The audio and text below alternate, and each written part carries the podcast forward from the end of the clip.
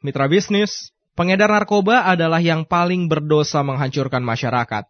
Namun selama ini terpidana kasus narkoba terkesan mendapat perlakuan istimewa.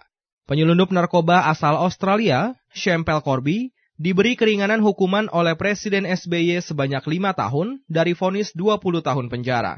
Mahkamah Agung menganulir hukuman mati pemilik pabrik ekstasi di Surabaya dan seorang penyelundup heroin asal Nigeria. Dan yang terbaru, Presiden SBY memberi keringanan dua terpidana mati kasus narkoba menjadi hukuman seumur hidup. Untuk membicarakan hal tersebut, saat ini kami telah tersambung dengan Wakil Ketua Setara Institut, Bonar Tigor Naipospos. Pak Tigor, apa komentar Anda melihat hal ini? Reaksi saya sebetulnya adalah tindakan Presiden memberikan gerasi, ya, dan kemudian juga putusan dari uh, Mahkamah Agung ini sangat mencengangkan ya, mengherankan gitu loh. Apakah mereka tidak melihat bahwa kejahatan narkotika dan narkoba ini adalah salah satu bentuk dari kejahatan yang dikategorikan sebagai extraordinary crime ya kejahatan luar biasa ya. menjadi kewajiban seluruh aparat penegak hukum di dunia ya artinya bukan hanya di, di Indonesia untuk memandang kejahatan ini sebagai kejahatan yang serius. Perlu diambil tindakan-tindakan luar biasa meredam kejahatan ini mengingat dampaknya kepada individu dan masyarakat sangat berat ya. Jadi terang memang kritik tindakan presiden tindakan presiden itu sangat keliru ya memberikan gerasi ya. Kepada siapa? Atau kasus seperti apa? Gerasi harusnya diberikan, Pak? Seharusnya kan kalau pemberian gerasi itu kan dilandasi oleh perhitungan yang sangat matang. Kasus-kasus yang memang satu mendapat perhatian publik dan kedua betul-betul berlandaskan prinsip kemanusiaan bukan kemudian hanya sekedar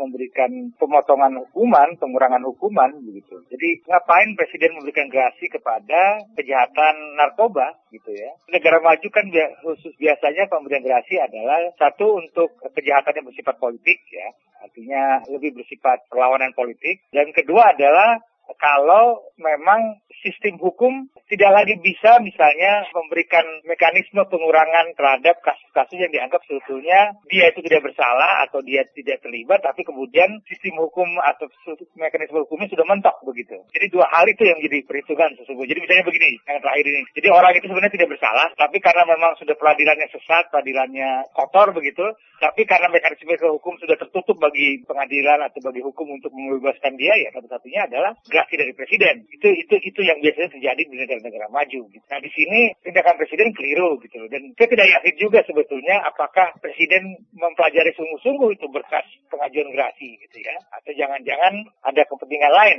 Kalau misalnya yang Sekel Corby itu memang ada kepentingan lain ya. Kita harus harus akui ada kepentingan politik di balik apa pengurangan hukuman yang si Australia di Bali itu. Itu memang ada ada ada ada kepentingan politik dan arti adalah untuk menjalin kerjasama hukum dengan Australia di kemudian hari. Tapi untuk kasus-kasus narkoba lainnya saya tidak saya, saya jadi bingung apa yang dilakukan oleh Presiden dan juga Mahkamah Agung. Kalau alasannya apalagi kemudian berdasarkan hukuman mati ya, artinya bahwa hukuman mati bertentangan dengan hak asasi manusia, memang betul ya dan kami selalu dari dulu selalu mendukung bahwa sebaiknya hukuman mati itu tidak menjadi salah satu hukuman dalam sistem KUHP kita. Tapi sebelum untuk menghapuskan hukuman mati itu harus diperbaiki dulu KUHP kita. Gitu. Karena kan limit hukuman kita ini kan adalah 20 tahun dan seumur hidup ya. Untuk menghapuskan hukuman mati, sanksi hukuman pidana atau beratnya hukuman pidana harus dirubah menjadi lebih berat lagi sehingga memungkinkan seseorang dihukum lebih dari 20 tahun, misalnya 40 tahun atau 50 tahun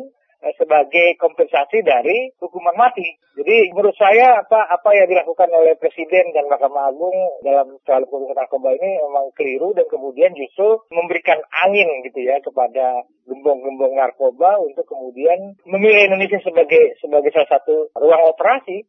Demikian Wakil Ketua Setara Institut Bonarti Gornai Pospos. Saya Wendy Lim.